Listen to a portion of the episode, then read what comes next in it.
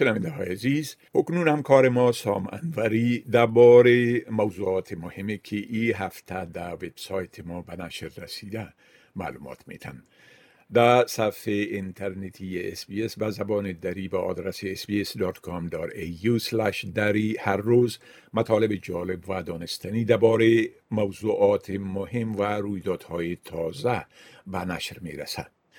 آقای انوری سلام عرض می کنم خب اولتر از همه اگر در مجموع بگوین که چی موضوعات مهمه و چی رویدادهای مهمه در این هفته رخ داده که در وبسایت ما هم نشر شده.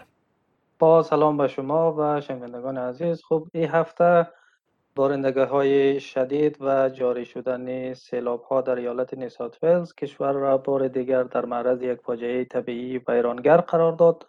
سیلاب های شدید در بخش های گسترده از ایالت نیو ساوت ولز جاری شدند که منجر به خسارات مالی و جانی شدند.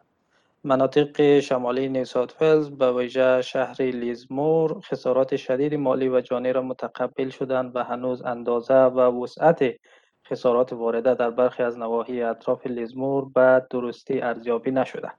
در اوایل هفته باران شدید در سیدنی و اطرافش بارید و منجر به تخلیه فوری هزاران تن از ساکنان نواحی جنوب غربی شهر شد همچنین با ادامه عملیات نجات در کوینزلند این هفته جسد دو نفر از قربانیان سیلاب ها یافت شدند و در نتیجه رقم قربانیان ای فاجعه طبیعی در جنوب شرقی ایالت کوینزلند به 13 نفر افزایش یافت.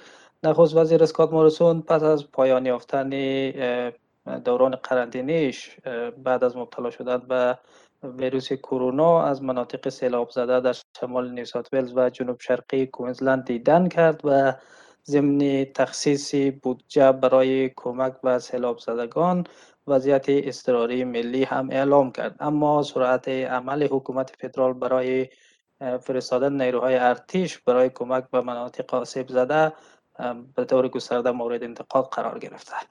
همزمان روز سه شنبه هفته از هشتم مارچ که روز جهانی زنان است طی محافل مختلف در سر سر کشور تجلیل شد.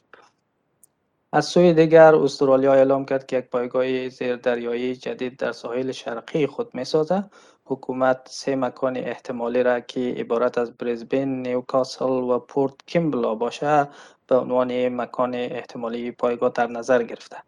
همچنین این هفته نخست وزیر اسکات موریسون و وزیر دفاعش پیتر داتون اعلام کردند که تحت یک برنامه جدید استرالیا نیروی کار دفاعی خود را طی دهه های آینده به بالای 100 هزار نفر افزایش میده.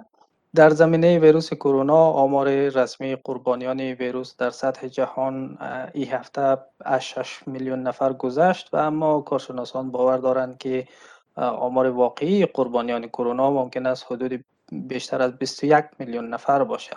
همچنین آمار روزانه مبتلایان در نیو ساوت ولز این روزها به سرعت در حال افزایش است. مسئله نگران کننده دیگر در استرالیا شیوع محلی ویروس انسفالیت ژاپنی یا ویروسی است که باعث بیماری التهاب مغزی میشه و به طور بالقوه کشنده است. افزون بر این مطالب دیگری در زمینه درخواست مترجمان سابق افغان از حکومت استرالیا مبنی بر عدم فراموشی آنها اهمیت یادگیری شنا یا آببازی در استرالیا وعده انتخاباتی حزب کارگر و وفات ناگهانی یک سناتور حزب کارگر در ملبورن داشتیم که شنوندگان عزیز ما می‌تونن اونا را در وبسایت ما دنبال کنند. بله خب از شیوع ویروس encephalitis ژاپنی گفتین اگر لطفا در این باره یک مقدار توضیحات بدین بله همونطور که اشاره شد شناسایی یک ویروس بالقوه کشنده در ده ها خوکداری در ایالت های نیو ساوت ولز، کوینزلند، استرالیای جنوبی و ویکتوریا مقامات صحی کشور را در حالت آماده باش قرار داده. ویروس Japanese encephalitis یا انسفالیت ژاپنی معمولا خوک ها و پرندگان را آلوده می‌کنه. اما می‌تونه که از طریق نیش پشه به انسان ها هم منتقل شود.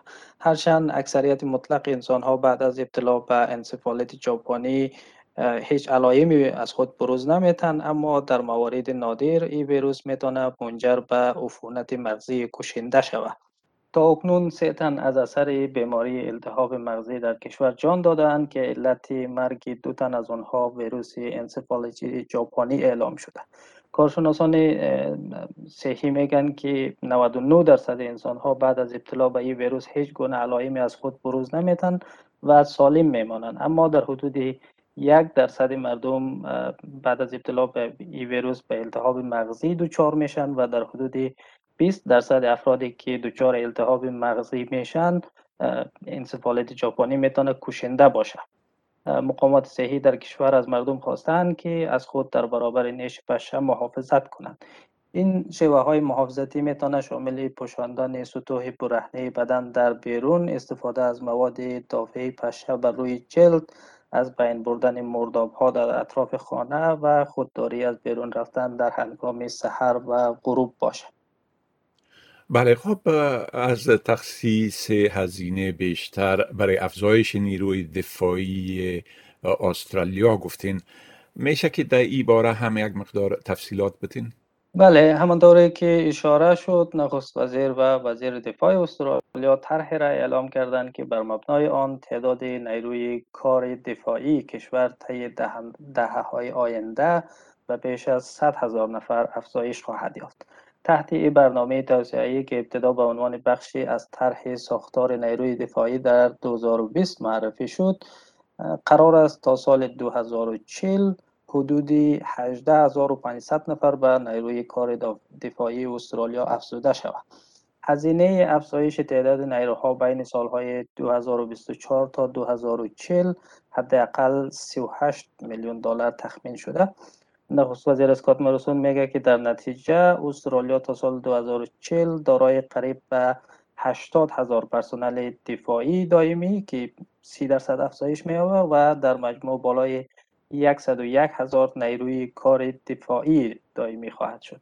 حزب کارگر هم اعلام کرده که به افزایش دوامدار هزینه دفاعی کشور متعهد است و آماده است که بودجه دفاعی را از حد معمولش که دو درصد تولید ناخالص داخلی است هم بالاتر ببره.